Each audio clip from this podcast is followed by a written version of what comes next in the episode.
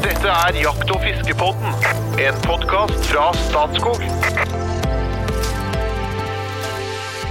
Hjertelig velkommen til podkasten som handler om meninga med livet, friluftsopplevelser, spenning og magi rundt jakt og fiske i et av verdens desidert beste land. Navnet mitt er Trond Gunnar Skillingstad, til daglig er jeg kommunikasjonssjef i Statskog, og jeg skal lede oss trygt til havn etter at vi har snakka oss god og varm om hvem som egentlig er kongen blant elgene. Vi snakker om gener og gevir, miljø og mat, og ikke minst etterkommere. Men aller først skal jeg introdusere mine fantastiske medspillere. Den første på lista er kunstnersjelen fra Asker, en briljant ordkunstner som elsker bluesgitar. Han er limerick-konge, han er en skogsfugljeger av rang, og ikke minst fluefisker. Hjertelig velkommen, informasjonssjef i Norges Jeger og Fisk, Espen Farstad. Tusen takk. Så jeg ber deg om å rangere elgjaktopplevelse på en skala fra én til ti. Hvor eh, er du hen da? Ja, nå, nå erter jo jeg jo Altså, jeg, jeg vet ikke om jeg tør å si det engang, men altså, egentlig så er jeg på en toer. Ja. Ja, ja, og, men det skyldes altså Jeg kan jo ikke noe om dette. Jeg har vært på elgjakt én gang. Da skjøt jeg en elgokse etter 20 minutter. Jeg syns ikke det var noe sak, og siden har jeg ikke giddet å drive med det. Så, så det, det har liksom Og du vet, jeg, jeg ser jo at Jo Inge krymper seg nå, ikke sant? Hva er dette for en dust? Ja, jeg innrømmer det, jeg er en elgjaktdust. Ja. Men du har jo et energinivå som ikke er sånn umiddelbart kompatibelt med å sitte lenge på post. Helt i ro. Nei, men nå er vel ikke litt sånn mer at all, elg, hundefører. all, all elgjakt må jo ikke være å sitte på posten her. Du kan være hundefører, og du kan jo for den saks skyld bedrive smygjakt på dagskort på elg som man kan kjøpe på Statskog, har jeg hørt. Så det, alt er jo mulig. Ja, ja, Kan ja. anbefales. Kan anbefales. Nei, men nå skal, vi, nå skal jeg introdusere eh, en annen person som kanskje rangerer elgjakt eh, litt grann, eh, annerledes. Han blir nok han, han blir kanskje dagens konge i podkastepisoden. Det er mann som jakter året rundt, verden rundt. Han har en rekke dieselbiler, egen gravemaskin på gården, og lager nå sitt eget slakteri. Mann med fire unger, snill kone og doktorgrad i rypeforvaltning. Innlandets store sønn og fagsjef i Statskog. Jo Inge Bresjeberget, hjertelig velkommen. Ja, det var det så lite. Ok, Du glemte å la sperrer òg. jeg må ha noe til god, vet du. Huff a meg. Ok, Jo Inge, det er jo alltid artig å, å- når du rangerer jakt. Og skalaen går jo formelt sett fra 1 til 10, så jeg må jo spørre deg da. Hvor vil du rangere elgjakt på en skala fra 1 til 10? Nei, det er en høg nier, tror jeg. Ah. Ja, ja, ja. Ikke noe overraskende.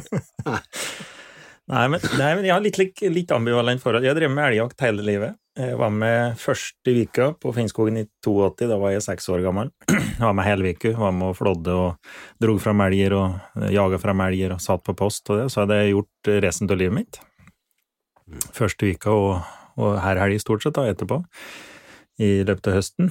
Og det, det er litt, jeg syns det er like morsomt. Jeg, jeg kan tenke på elgjakt nesten hver dag, Mm. faktisk. Og så er slik, men jeg kommer ut i november, og jeg har rådyrhund som står og slirer i hungarden og vil ut, og, så, og det regner sludder litt kanskje, og dårlig vær og slikt, da må jeg si at det da frister det mer å dra på rådyrjakt. Men allikevel så så ser jeg fram til elgjakt igjen. det. Mm. Nå fikk jeg en sånn assosiasjon her til at altså, elgjakt for deg, da, det blir jo nesten Ja, det høres jo nesten ut som, som eh, seksualitet, dette her. Du tenker på det hver dag, men det blir bare et par ganger på høsten, er det sånn? Det er noe slikt slik. Noe slikt noe, ja. Nei, Jeg føler at vi skal gå videre inn på temaet akkurat nå. Vi skal jo faktisk inn på seksualitet i dag òg. Nemlig. Vi Ja. kommer fort inn på det. Mm. Men vi skal jo sånn bevege oss rundt av vekt og tagger på geviret, størrelse, alder. Eh, og det, vi skal snakke spesielt om elgokser. Eh, men Jo Inge, jeg kan jo spørre litt sånn, i starten, finnes det noen sånne rekordnoteringer på elg? Sånn, sånn historiens største elg? Ja, ja, selvfølgelig. For akkurat det med elg, eh, store elger og store elgokser, det har vært det har vært greie lenge. Vi har jaktet elg så lenge. Her i Norge så har vi jaktet helt siden de kom, da. Etter at isen trakk seg vekk og de kom etter reinen oppover, så har vi jaktet elg. Og det eldste elghønet som er funnet i Norge, var en bonde som drev og eh, Han drev og dyrka myr oppe i nordre land. Det daterte til å være 10 300 år gammelt. kjempestort gevir. Og det er klart, og det er helleristninger som viser elgjakt, både med hund og med det ene med det andre, og da er det jo store gevir, og det var liksom Ja, det var et tegn på styrke eller fruktbarhet og, og maskulinitet, kanskje, da. Og det, det har vi jo drevet og etterstrebet, det er det store, så med sportsjakt og litt mer fritid, det, så har det jo i altså, ja, eh, folk vil jo inn i skute store trofédyr, da. De har en viss troféjakt òg. Amerikanere er mye mer opphengt i det enn vi er, eksempel. Og det har gjort at eh, det var Det ser ut som det var større trofeer før, men eh, når jeg sjekker litt rundt omkring i verden, så er det de største trofeene nå er faktisk skutt i forholdsvis moderne tid. Det største i Europa er skutt i Norrbotten i 82, men de har skutt i nesten like store helt fram til for to-tre år siden. Og det største i USA, det er faktisk ferskt i 2017, som da antakeligvis er verdensrekorden, da, fra Alaska. Så selv nå i moderne tid, så er det skutt i kjempestore elger. Så det er jo ikke at de store er helt utryddet, men i Norge så er det nok eh, hadde vi nok litt større elger unna- tidligere da, enn vi har nå. Vi har jak jakter ganske intenst på okser. Da. Mm. Men hvis vi snakker kilo, da, hvor, hvor er vi hen? Eh, nei, det, det er jo ganske stor forskjell på de her elgene. Eh, våre elger er jo mindre enn enn den som er oppe i, i Alaska og helt øst i, i Sibir, så er vår elg litt mindre, da. Men eh, de eh, kan jo gå vi, Det ble skutt en på Statskog i fjor som var eh, meldt inn på 341 kilo slaktevekt. Så noen sta, da, noe særlig større enn det blir de ikke, da. Hvor stor er den da, Jo Inge, i, i jeg hadde nær sagt ikke slakta, da, i, som, i hel elg? Ja, det er en slaktevekt en 50-55% av totalvekta. Så bare for enkelhets skyld, altså ganger det med to, da, så er den jo nesten 700 kilo. Da. Vi er der, ja. Så det er ganske, det er ganske heftig, altså. En Fiat Punto, det. skutte- vi skutt i kuer på 240 kilo, så de er jo veier da opp mot 500 kilo. Mens alaskaelgen kan bli oppi et tonn, da. Så den er et, et knapphels der enn våre elger. Tenkte vi skulle inn på hva, hva, er det som, hva er det som gjør elgen stor, da. Vi skal gå litt sånn systematisk til verks på det. Men eh, lita utfordring til hobbysosiologen. Eh, det er spennende. Eh, Ja. det finnes Det jo veldig mange Det finnes jo veldig mange eh, gevir som henger opp rundt omkring. ja. Hvorfor har man den tradisjonen, og hva tror du at det Hvilken funksjon har det, og hvilke signaler skal det gi, osv.? Hva tenker du om det? Nei, det, det der er et fryktelig vanskelig spørsmål, altså. Det er jo liksom hele Nei, jeg Altså, det symboliserer jo noe. Det symboliserer Altså, det geviret i elgverden er jo eh, en måte å symbolisere eh, kraft og potens og mandighet, liksom, ikke sant, i, inn i, i elglivet, da. Eh, og det kan man jo ta med seg inn i menneskelivet eh, ved at man som jeger har bekjempet, eh, på en måte, i anførselstegn her nå, bekjempet disse her eh, flotte dyrene. Skogens konge, rett og slett. ikke sant? Og, og, så, og så henger man dette på veggen nærmest som et bevis på, på, på hvem man er, og hvor flink man har vært. Det er jo liksom en litt sånn der utenfra og inn-vurdering som jeg i hvert fall har hørt folk bruke. Jeg syns den er litt sånn eh, Jeg tror ikke at de jeg har jo vært hos mange jegere som har, har dette hengende på alt fra låveveggen til liksom hele stueveggen er fullt av dette her sånn, og jeg tror ikke det er for å lys- vise liksom hvilken kar jeg er som har felt disse. Jeg, jeg tror ikke de tenker sånn, egentlig, men, men jeg veit ikke det. Det er en viktig del av livet for veldig mange, og det å på en måte synliggjøre at man bedriver dette, henger det på, ja, henger det på låveveggen, for eksempel, det syns jeg er et godt sånn spørsmål. Hva tenker du Inge? Du har jo dette hengende på lovveggen din, går jeg ut fra? Eller i hvert fall har naboen det? Jeg skal, for, for, for dere lyttere som ikke følger oss på Instagram, så går inn på Instagram, og så finser dere litt der. Da vil dere finne et bilde fra stua til Jo Inge. Og der henger det på rekke og rad eh, gevir fra hans eh, rådyrbukka. Ja. Opp, oppad begrenset til sju. Ja. Ja, og resten ligger i, på ei hylle som han ikke har fått lov til å henge opp. Men, men jeg har dem på stabbursveggen, da, Espen. Jeg har det. Jeg, Ja. og jeg- er ikke opphengt i elgtrofeer, altså det skal jeg ikke ha på meg. Nei. Eh, For det, det ser vi at det er ganske mange jegere som nærmest blir litt tullete når det kommer en stor elgokse og som nærmest må ha den der. Men, Men, da kommer, da, det er et godt spørsmål som, som Trond Gunnar stiller seg til. Hvorfor? Hvorfor henger dette på stabbursveggen? Mm. For, for, min del så er det mer gamle tradisjoner enn skal gjøre til dem. Jeg syns ja. det er for dumt å, å kaste dem òg. Så at eh, ja. da jeg, ja, da, Det var vanlig i hvert fall å henge dem enten på låvveggen eller stabbersveggen da jeg vokste opp, og det, det er bare fortsatt. Det er noen, min, det er noen minner knytta til det òg? For meg er det minner, ja. Ja. er ikke noe mm. for å skryte eller noe. Men jeg, jeg, tror, Vi pratet jo om det med forplantning og det tidligere, da. Og det, eh, det var jo, som du sa, det forbundet med maskulinitet. Det var jo som kongen på haugen. Eh, det var Tidlig så skjønte jo at eh, elgoksen var den store og den sterkeste, ikke sant, og den som fikk pare seg videre. det. Og, og det er jo kjent å berette da om jegere da som de beste jegere òg da klarte å skaffe mat til familien da, før vi ble bofaste og ble mm. bonder, eh, ble bønder. Så at det da ga eh, fortrinn, det tror jeg nok. Så at eh, geviret var, en, mm. var et, måte et symbol på at det var en dyktig jeger. da. Altså, og at du dermed tok del i den eh, kongen på haugen, da, av den maskuliniteten. Det er jo kjent det mm. samme rovdyr. altså De beste jegere er jo flinke til å, å, ta rovdyr. At du da nærmest overtok kreften da, til rovdyret ved å Eh, overliste. Mm. Mm.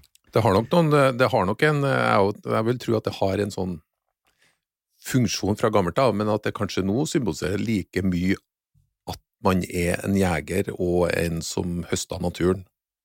Mm. Uh, I stedet ja, for, for at, ja. Ja, for det, det, det, tror jeg også at du, du sender ut et signal. Og, og, hvis du tar opp et sånt der coffee table-format eh, interiørmagasin som ligger slengt rundt uh, i de tusen hjem, så er det jo fullt av uh, gevirer av ulike hjortevilt på veggene. Det er rett og slett inn å ha dette, ikke sant. Jeg, jeg solgte et, et, et hjortegevir og et rådyrgevir til en eh, venninne av meg som har ei hytte på Hovden. Hun har jo aldri vært i nærheten av jegerprøven, men syns mm. at det er stas å ha dette på veggen allikevel. Ja, ja. ikke sant? Ja. det er jo det interiørmagasinet. Dette har faktisk jeg mm. lagt merke til, men mm. eh, det har ikke vært helt gehør i heimen. Jeg tror, ikke, jeg tror ikke mange, Det er mange jegere som ikke aner hvilken gullgruve de sitter på. Det var rett og slett litt lukrativt, det der, altså. Kanskje jeg skal selge dem. Det er det jeg mener. Ja. du, dere har vi vært borti før, Jo Inge. Du, jo, du, du får jo nesten tårer i øynene og, og har jo gitt dere rådyrbukkene dine navn, og du kan gå gjennom ethvert gevir og fortelle når det skjedde, hvordan det skjedde og sånn. Så nei, det er nok ikke aktuelt at du skal begynne å selge det. Nei, det skjer nok ikke. Men det er jo minner òg, da. Men, men jeg, som sagt, jeg, borte, jeg forvalter jo mye helg, og jeg syns jo noen er litt helt på grensa litt tullete akkurat på det med elghønn og det. Altså som skær på livet, død og liv, få skutt under elgoksen. Og det, vi trenger jo det her, da, det kan vi komme tilbake til. Men vi trenger de store oksene, og en hel del burde ha fått, eh, faktisk fått leve i Den ble litt større, få spredd genene sine. Du, jeg, har, jeg, må bare inn med én sak her som jeg syns vi skal avklare med en gang når vi skal snakke om dette. her, For at nå sa du elghønn. Ja. Og det er jo faktisk ikke! Nei, Dette er ikke horn, det er gevir. Jeg oversetter nå fra indre strøk, hønn, horn, eh, og, og gevir. Eh, og eh, dette, med, dette, er jo Altså, jegere flest veit jo dette, men folk som ikke er jegere, veit jo virkelig ikke dette. At, at, gevir er noe annet enn hønn. Hønn har du hele livet. Gevir feller du hvert år og utvikler, utvikler hvert år. Og det er jo ubefattelig fascinerende. Fortell, Jo Inge. Ja, ja. Nei, for det, det, det er jo helt sant. Og vi, og vi sier hønn. Altså, jeg kan ikke legge vekk dialekten min, da, men vi sier jo hønn. Vi sier hønnkjelke om en stor, eh, ordentlig stor elgokse. Det er en hønnkjelke da, på Finnskogen. Oh, ja. men, men, eh, det er jo slettes ikke hønn, som du sier. Og det er jo da sauer og geiter og kuer, de har hønn. Og det, og det er jo da laga av samme Det er jo, det er jo huddannelser da, på samme som du har negler eller kløver eller, eller, hår. Så de er jo ganske Og de vokser hele livet. Så det er egentlig litt meningsløst. da de, Neshorn, for eksempel, det er jo det samme. Så kommer det kinesere, så var de tjuvskutt en likedan nå skal bruke tradisjonell medisin, ikke sant. Det, det, har jo ingen effekt i det hele tatt. Mens eh, geviret, da, det blir jo da utviklet, eh, som Espen sa, hvert år. Og så felles det, og så utvikles det på nytt. Og så blir det felgensdeler blir større da, for hvert år. Det, så det er jo helt en annen, eh, en annen greie, da. Men de, de vokser jo ut ifra to beintapper i skallen som sitter mellom øra og øynene, som heter rosenstokker. Så vokser de ut der. Og, Og beinvevet er et av de raskest veksende og sterkeste materialet vi har i dyreverden. Mm. altså det, det geviret her. Og det, på rein så er det målt at den kan vokse over én centimeter i døgnet. Oi. Ja. det. Er ganske heftig, det, så du kan se det fra dag til dag, at det vokser. Og på elg så er det målt på, i forsøk da, på alaskaelg at eh, i den verste vekstfasen så la geviret på seg 400 gram om dagen. Det er helt, og det er jo helt ufattelig. og det er helt Altså, når du- absurd. Og, i, Ja, når- den egentlig, og du må jo bygge reserven for det, for det krever jo ganske mye kalsium. Og og en del andre sporstoffer, og det, det er det ikke tilgjengelig i kasten, så de må låne av skjelettet for å, for å bygge det opp da, så kjapt som det du gjør. Og det, er og, det er helt usannsynlig at den kostnaden med å bygge et stort gevir, eh, at den ikke eh, Den hadde blitt undertrykt i, i seleksjon, da, hvis ikke det hadde gitt en gevinst for den som mm. bærer det. Nemlig. Det, Det må lønne seg. Det Ja. må lønne seg, for ellers hadde det her vært selektert bort for lenge siden, ikke sant. Så, så det, her er det noen heftige mekanismer, ja. Ja, og, det, og end of the line her er jo egentlig at uh, det er størrelsen det kommer an på. Ja, det er det. Ikke sant? For dette, er jo, dette handler jo om å bringe genene videre, ikke sant? Og den som har størst gevir og er eh, brauter mest liksom i skauen, det er den som får til det. Og da gjør man det på bekostning av eget skjelett, altså. Ja, det er det. Ja, det, det er jo helt skulle- utrolig. Du skulle jo tro at du hadde en slags payback, da. Altså at du på et eller annet vis hente det kalsiumet tilbake. Men Mm. så fort det her blir for beinet, altså når det kommer det, Veksten stopper da, eh, en liten stund, og da forbeines det. Det er jo ganske mjukt til å begynne med, og dekt med like, fløyelsaktig bast, som vi kaller det. Mm. Og så stopper tilførselen til blodet der, og da forbeines det, da blir det knallhardt. Og, og da skulle du tro at du hadde en slags payback, eller resorpsjon som vi kaller det, at du ville fått det kalsiumet tilbake, da. Men det gjør du ikke, for da er det forbeinet, da, da får du ingentingen. Men så rein, da, der for å få noe til kalsiumet tilbake, så gnager de på gevirer som er, ligger på bakken, eller òg at de gnager på gevirer som sitter på skallen til en nabo, da. Ja. Og og det skal vi Det tror de kan ha ei greie med den eh, CVD som eh, vi har pratet om. At det, Mm. det kan være med å smitte CVD, for at de gnager gevir på skallen hos en nabo. Mm. Men du, ta, eh, jeg er jo litt, sånn, jeg er jo litt eh, spørrende om sammenheng mellom gevir og størrelse og alder. Ja. Om det er liksom rettlinja sammenhenger. er jeg, jeg forstår at vi starter med eh, piggokse. Det det er der eh, eh, geviret for første gang kommer. Ja. ja det, det er jo en jeg skal si, en variasjon i kroppsmasse og gevirstørrelse har en sammenheng, da. Ikke alltid, men nesten alltid. Så at det, det er eh, stor kroppsmasse betyr i de fleste tilfeller stort gevir for elgen. Og det er et samspill da, mellom genetikk og nærings, eh. Da. Og det jo, baserer seg på alder, så jo eldre han blir, eh, til et visst punkt, så blir det større, og så går det nedover. Og så er det da som sagt da gener da, og, og ernæringen. Og da starter du da med et sikkelstire, som vi ser, da, altså to, to pigger første året, eh, altså den der halvannet år da, blir den da, ikke sant, til Mm. høsten. Og det sa jo ikke, men de her gevira her på de hjortedyra våre, de er jo ferdig utviklet og på det største i paringstida. Før så trodde de det var forsvarsvåpen, ikke sant, at det var for å verge seg mot rovdyr eller noe sånt.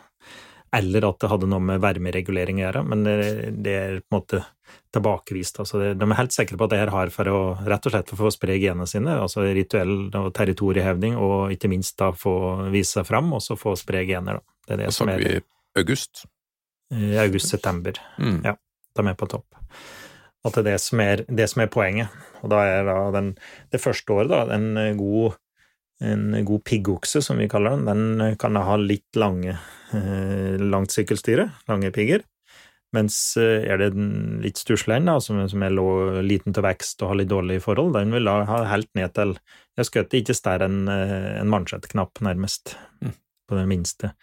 Og det er jo rapportert da piggokser som har hatt oppi, oppi ti tagger, tror jeg er det største jeg har sett på piggokser. Og da er det ofte veldig små tagger, det ser nesten ut som en neve bare, på hver side av hendene.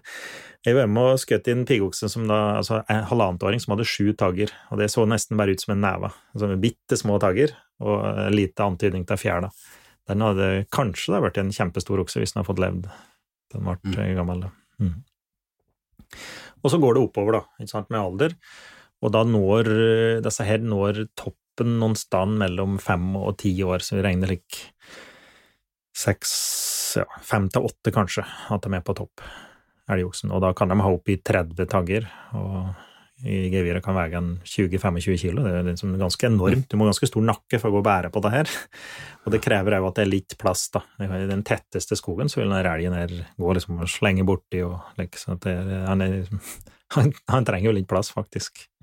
For det med tagga, det er sentralt. Eh, Jeg ser jo at det blir skutt en sånn 16-tagger, og eh, så, det med antallet tagger er eh, Da antar jeg at det er veldig sammenhengende med størrelsen både på geviret og på oksen.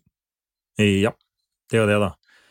Og det Det slik dere at det, de øker, altså det, Han starter inne da med sykkelstyret, og så har han da ofte fire tagger året etterpå, og så seks, da, for eksempel. Og så seks eller åtte, og så øker det opp. Og da de aller største som er på tapp, så er de oppe i eh, 24 tagger, kanskje. 22-24, og helt opp i 30 tagger, da, på topp. Så når vi skuter av 14 og 16 taggere, så er de egentlig jeg skal si middelaldrende. De er på vei til å nå toppen, men de er ikke helt på teppen ennå. Så de burde like, strengt tatt kanskje ha fått levd ett eller to år til, da. De. Men dette er, et, dette er jo et visuelt virkemiddel for å avgjøre en kamp om hvem som er størst, og som skal på en måte ha, få kuenes gunst, ikke sant? Og da er jeg tenker at Kan da liksom dette geviret også ha den funksjonen at det faktisk avverger unødvendig slåssing og skader og, og, og sånn på elgene? At, at man man, helt rett og slett Her kommer en konge med 30 tagger, liksom. Det, du ypper deg ikke, du skjønner det med en gang. Ja, Og det er er jo ganske sikre på. Så at eh, eh, for jeg nevnte det med, med kamp, da. At eh, det er egentlig ikke et kampvåpen, men, men det brukes jo for å avskrekke andre okser. Og i nødfall du blir utfordret av en som er like stor som deg, så må du faktisk gjøre opp status, og det prøver de å gjøre uten å slåss. Det er jo en veldig stor kostnad å slåss, for du kan bli skadet, ikke sant?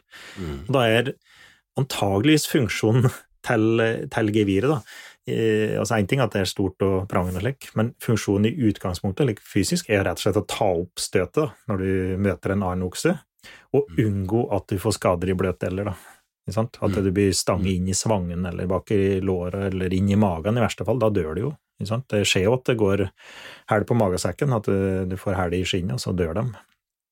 Ikke så ofte, men men eh, ja, altså rett og slett ta opp støtet når du møter en annen, og så ikke bli skadd. Men her er det jo forskjell på, også på at de, noen utvikler jo såkalt, altså stangevir, mens noen har jo skovlgevir. Det er ganske stor forskjell på det.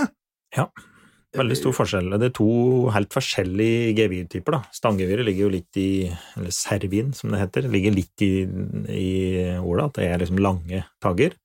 Mens et skåblegevir har mer fjæra, fjælahånd, som vi ser, da. og, og det viser seg at det er litt, litt flere elger i Nord-Norge som har, eh, har fjæler, da. eh, Ja. Palmatgevir, enn det er i Sør-Norge. Og når de ser på eh, vi, vi klarte jo nesten å utrydde her på midten på 1800-tallet. Så var det at bare noen spredte bestander, eh, blant annet i Hedmark, også i Trøndelag, og noen steder i Nord-Norge. Og så har de jo så vi har ganske liten genetisk variasjon i elgstammen vår. Og når du da begynner å gå etter her i sømmen, så viser det seg at innvandringsmønsteret er de elgene i Nord-Norge ser ut til å komme fra øst og nordøst inn, og så elger her i Sør-Norge og Hedmark, da, som hadde hatt bestand, de har kommet fra Vest-Europa, så altså kommer sør og vest ifra. Og så blander de seg i Trøndelag, og da får de en egen mellomform. Så at eh, det er mer vanlig med stangevir i Sør-Norge enn det er i Nord-Norge, og det kan jo ha noe med gener å gjøre, altså opphavet. Mm. Mm. Og så ser det ut til at over tid har blitt litt mer vanlig med stangevir enn enn det der skovlegeviret. Og det jeg ikke om det har med jaktseleksjon eller er grunn til det. da. Er det noen fordeler og ulemper med å ha ulik type gevir? Nei, og det, ikke som, eh, som jeg har klart å finne ut, i hvert fall. Og, eh, og du er jo fortsatt kongen på haugen med å ha det største geviret, og de blir jo ganske imponerende, de stanggevirene òg, både tunge og, og store.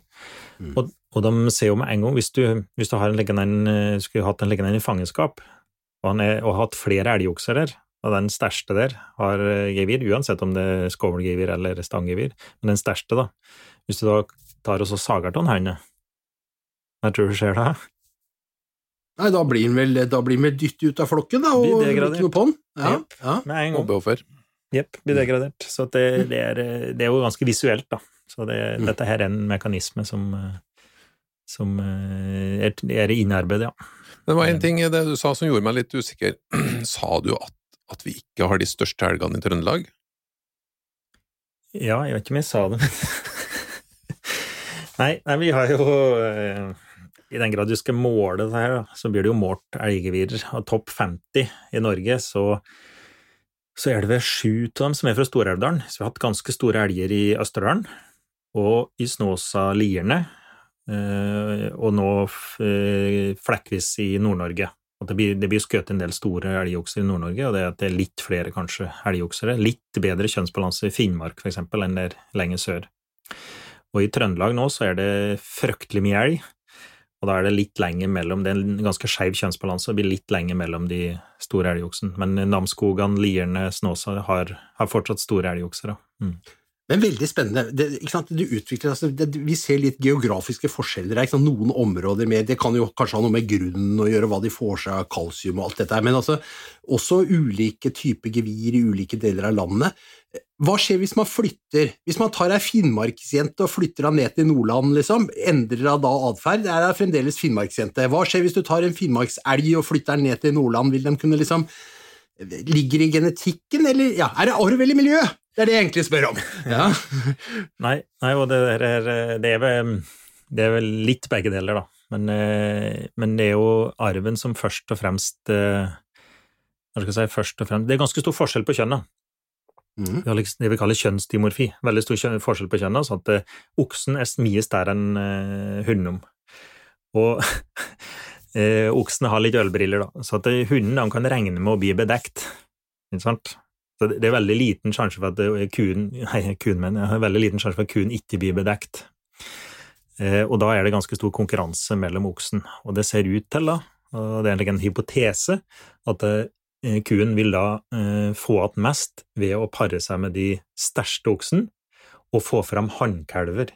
Det vil lønne seg for kua over tid å få fram flest mulig hannkalver, for da kan de òg bli store og få pare seg med flest kuer, og hun får spredd flest gener.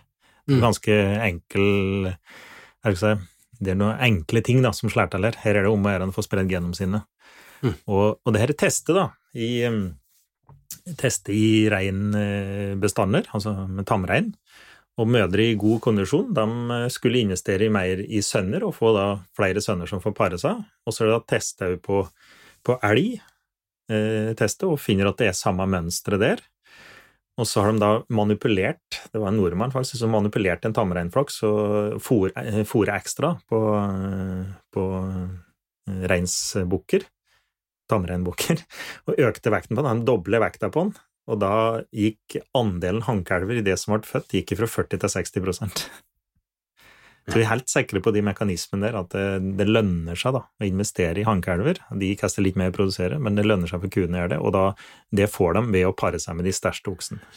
Dette er jo fantastisk spennende, men denne kunnskapen må jo bringes inn i forvaltninga.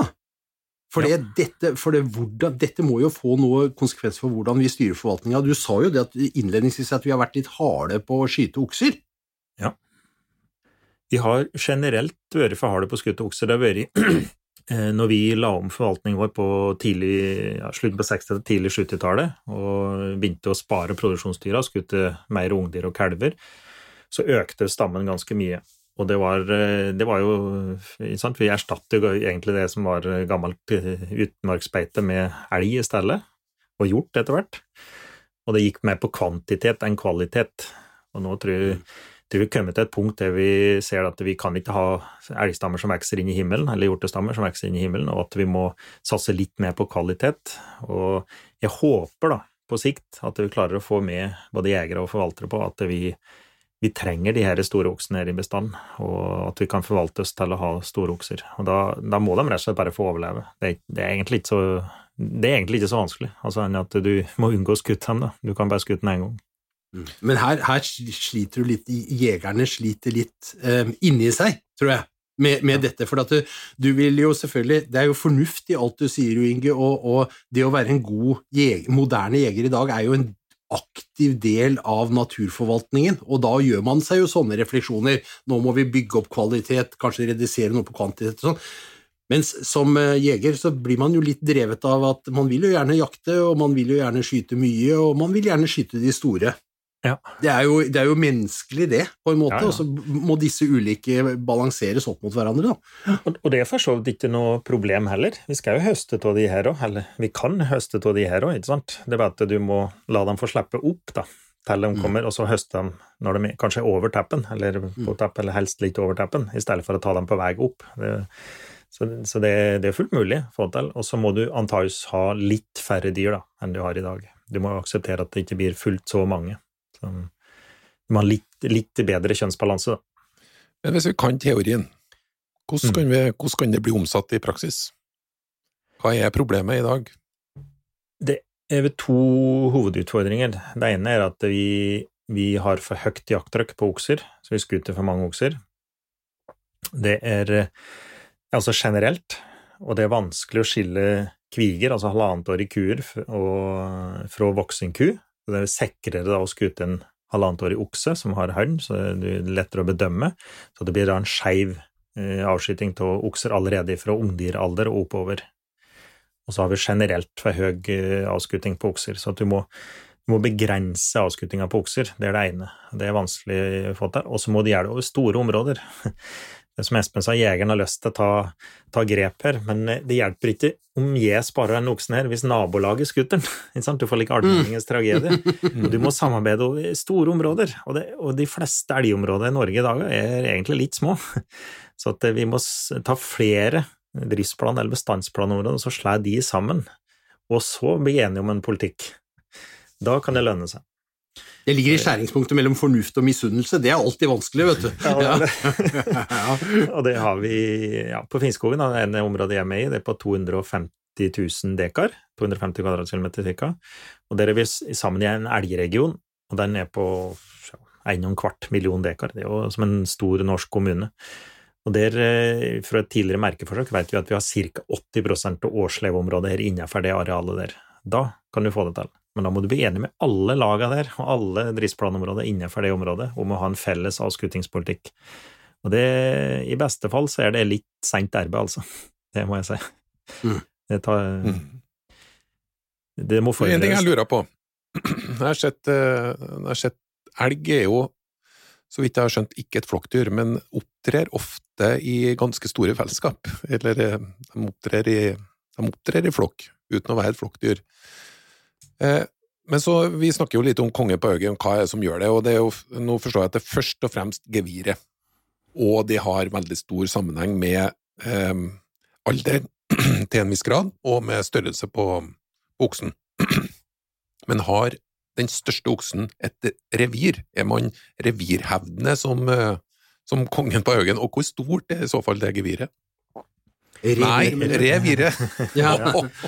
Eh, Ja, eh, det er de jo. Altså, de eh, For eh, han som er kongen på Haugen, han vet jo det, for han møter jo andre okser, og de vil jo da vike unna. De vil jo da vise tegn på, på at de ikke har lyst til å ta opp kampen med han. Så han, han vet jo at han er sterkt, og kongen på Haugen.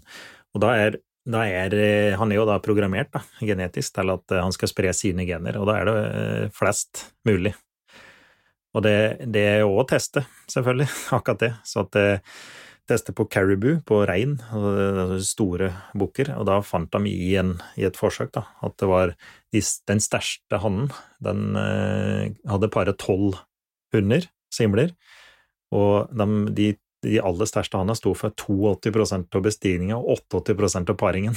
Så de var, de var fedre til Selv om de minste prøv, kanskje slapp til og fikk prøve seg så var de aller største bukka de var, de var far til de nesten samtlige kalver som ble født. Jeg tror det må være en veldig fin inngang til en limerick, som, som handler, om, handler om det at det er ikke så greit å ha lite gevir. Eh, Inn på skauen, Nei, det handler om akkurat det. Ja, er du spent? Det er ikke så spennende, vet du. En eh, elgoksekalv inn på skauen fikk seg en skikkelig smell i baugen. For med et puslete gevir ble det litt av en svir da han møtte 30-spirskongen på haugen. Oh. Oh, Ja, ja. For det er jo sånn det er. Ja, Limerickens svar på elg i solnedgang. Det var vakkert. Men du, kjøtt. Skal vi ta en liten en på kjøtt. For, Ja. Ok, Vi hører at det blir skutt eh, en type elg her nå som forvaltningsmessig gjerne kunne ha blitt igjen litt lenger. Mm. Eh, har det også ja, altså, Hvordan er kvaliteten på kjøttet? Nei, dette her er eh, her skal jeg si, ettertraktet vilt og godt å spise, ikke de sier. Det er eh, Det er eh, Ja, det har født opp ganske mange flere enn jeg eget livet til, i hvert fall. Det er kjempemat. Og en større elg, jo større han er, om det er ku eller okse, eh, så blir de jo grøvere i teksturen de får større beter. Det blir større fileter, og større, alt blir større, men det blir også litt grøvere i teksturen. Den er jo ganske mye grøvere enn eh, rådyr eller hjort, eksempel, i, i teksturen i kjøttet. Men eh, han får ikke brunsmak, eksempel, slik som hjorten eller hjortebukka eller reinsbukka får. Det er noen som påstår det, jeg var oppe i Nord-Norge og, og får høre at de har brunsmak og slikt. Da tror jeg det først og fremst er litt dårlig slaktehygiene. For, det, for det, det har ikke opplevd, altså. Og, og jeg var med på ekstremt mange elger som har dødd i bakken, og spist mange elger. Det, så, så det å si at det ikke er like bra kjøtt, denne gangen, det er ikke sant, men de er litt grøvere i teksturen. Så jeg foretrekker heller mindre dyr, da. Kalver og ungdyr, og ete de. Jo, Men hvorfor gjør det nå at den er grovere i, i, i, teksturen eller strukturen på kjøttet? Er det, blir han fortere tørr da, eller? Mener du det? Ja, altså, han eh, Nei, jeg vet ikke. det- Jeg vil jo si at de andre, eh, altså mindre dyra da, generelt har litt mer tiltalende Altså om du skal lage biff ton, eller hva du skal gjøre ton, altså, så syns jeg det er litt, litt bedre da, enn de, de eldste og største dyra. Så at jeg ville heller foretrekke å ete uh, kalver eller noe. Men det har ikke noe med, med smaken eller kvaliteten eller noe. Det er bare at alt blir bare større. Så, Mm. så mye kjøtt, eh, det er helt ok. Men da, det er liksom nytt tilbake til det. Altså, Hvorfor skal jeg nødvendigvis skute disse mellomstore oksene når, når det er finere kjøtt på et ungdyr eller en kalv? da? Så, kunne noen av dem ha gått, i hvert fall. Dette har vi snakka om før når det gjelder tiur. Ja, vi jakter på gammaltiuren, og det er det mest staselige i hele verden, men sannheten er jo at skal du ete, så er jo en ungtiur å foretrekke, ikke sant? Ja, det er det. Ja, Jeg ja. vet. I gamle dager så var det slik dere, de aller eldste kuene det havnet stort sett som grunneierkjøtt. da. For det var mye kjøtt, og du skulle ut med ja, grunneier når når du delte ut kjøtt. ikke sant? Men det, men det var ikke noe med kvaliteten her, altså. Det ville ikke påstå. Og hvis du som lytter har lyst til å dykke ordentlig ned i litt mer om forvaltning, så har vi en egen episode om, eh, om hvilken elg skal ut. Og der, eh, der eh, har vi veldig mye på gulloppskrift på forvaltning. Vi skal begynne å nærme oss landing, men det er noen ting jeg lurer på. Ja, Hvilken rolle har, eller kan, rovdyr ha rundt det vi nå har snakka om? Mm. Eh, Ja, det er eh, rovdyr i den forstand her, så er det i all hovedsak bjørn og ulv vi prater om, da. Eh, Vi er litt usikre på jerven her, er her i stor grad. Vi vet at jerven kan ta elgkalver, og vi vet at eh, gaupa kan ta elgkalver, men det, det er liksom bare mikroskopisk i forhold til ulv og, og eventuelt bjørn. Bjørn kan være en betydelig predator, på, spesielt på våren og, eh, og høsten før den går i hi. Mens det er jo ulv i all hovedsak, da.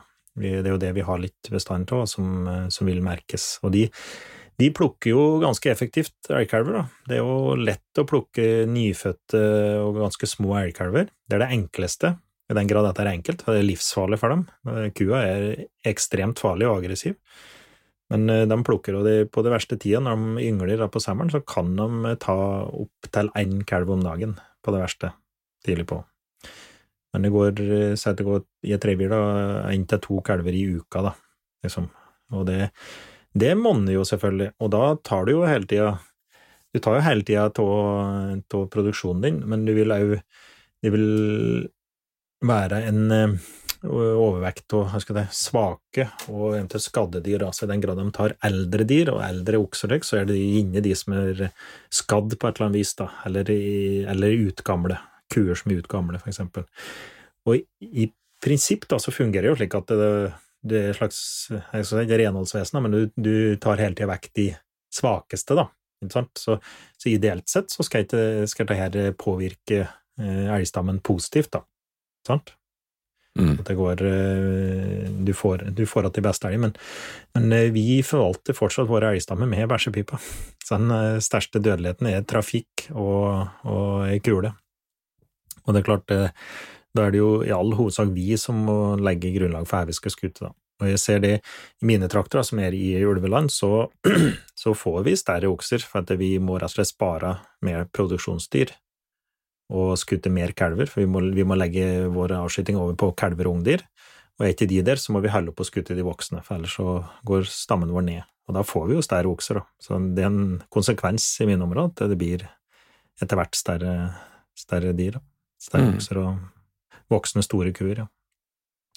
Og så en liten sving innom et annet hjortevilt som er i sterk vekst, tror jeg. Det er i hvert fall jakten på det i sterk, sterk vekst, nemlig hjort, Mhm. som, har, og, som overgår elg i ganske stort antall nå på antall felter. Mm. Eh, Er det eh, Altså, begynner vi å få problemer med, med stammen der? Når den, eh, kan den bli for stor? Kan uttaket bli for skjevt? Er det noen som kjenner til det på noe vis? Ja, det, det er jo det òg, da. Og vi får for mange dyr, og du beiter eh, Du vil jo da slite beiten, slik som vi har gjort på elg. Når det er mer graseter enn elgen her, og grasbeiter tar seg raskere opp enn det eh, kvist og eh, kvistbeiter som elgen er avhengig av, da. Men eh, det er akkurat det samme der, og vi skuter altfor hardt på okser der òg, eller bukker, da, sier til Bisner. Og det, det vil gi de samme de samme konsekvenser. Altså ku, kuer, eller om det er hjortekoller, de ovulerer ganske kort tidsrom. Og elg er liksom ett døgn som er mottagelig, og da er det avhengig av at det er en stor, eh, stor okse eller bukk tilgjengelig da, for å pare dem. Og hvis ikke, så må de brunste om igjen, eller ta til gode med en mindre en.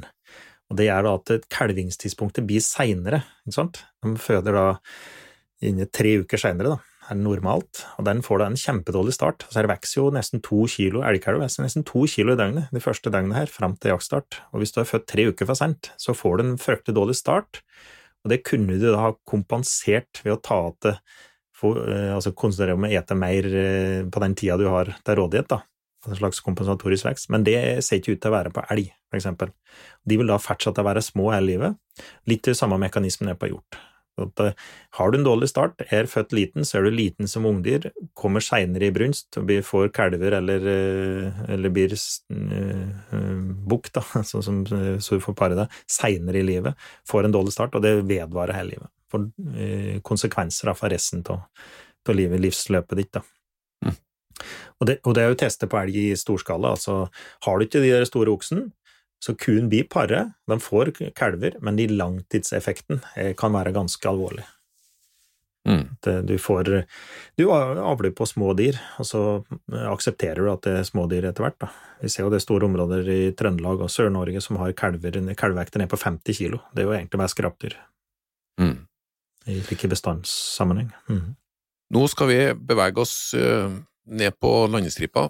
Før vi kjører en hot or not og sånne ting, så skal jeg bare ta en liten sjekk. Dere skal rangere nå uh, hjorteviltjakt på en skala fra én til ti. Og det er sånn at en Espen svarer først, og så svarer en Jo Inge. Og vi starter med villreinjakt. Espen. Jeg kan ikke så mye om det, skal jeg være helt ærlig, men jeg vil tippe at det er en øh, åtter. Jeg tror det er veldig fint. Japp, Jo Inge. Ti. Og såpass, ja! Ja, Ikke en sterk nier?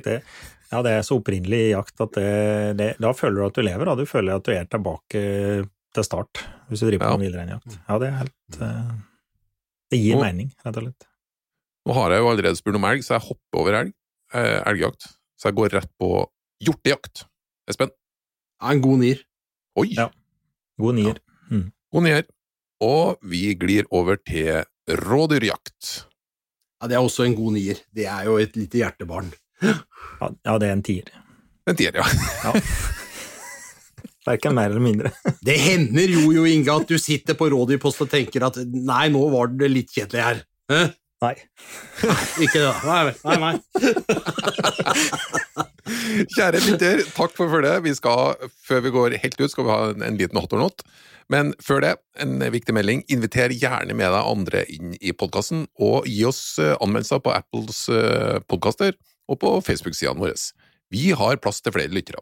Har du forslag til tema, så eh, kan du ta kontakt med oss på Messenger eller på Facebook-sidene, eller på en e-post jakt- og fiskebåten at statskog.no. Karer, er du klar for hot or not? Ja. Ja. Da er det Jo Inge som svarer først, og så Espen. Macbook, hot or not? Not. Hot. Ringenes herre, hot or not? Hot. Not. Kilnotfiske etter laks, hot or not? Not. Not. Blysøkke til fiske, hot or not? Not. Not. Smørstekte elgballer, hot or not? Hot. Not. Ja, jeg føler jeg lyktes med å skille dere bra i dag, men eh, ok. Siste, fra albumet Eldorado fra Åge Aleksandersen, låta Hymne til de mørke soverom, hot or not? Not. Det var hot på begge to. Hjertelig takk for følget, og velkommen tilbake neste fredag.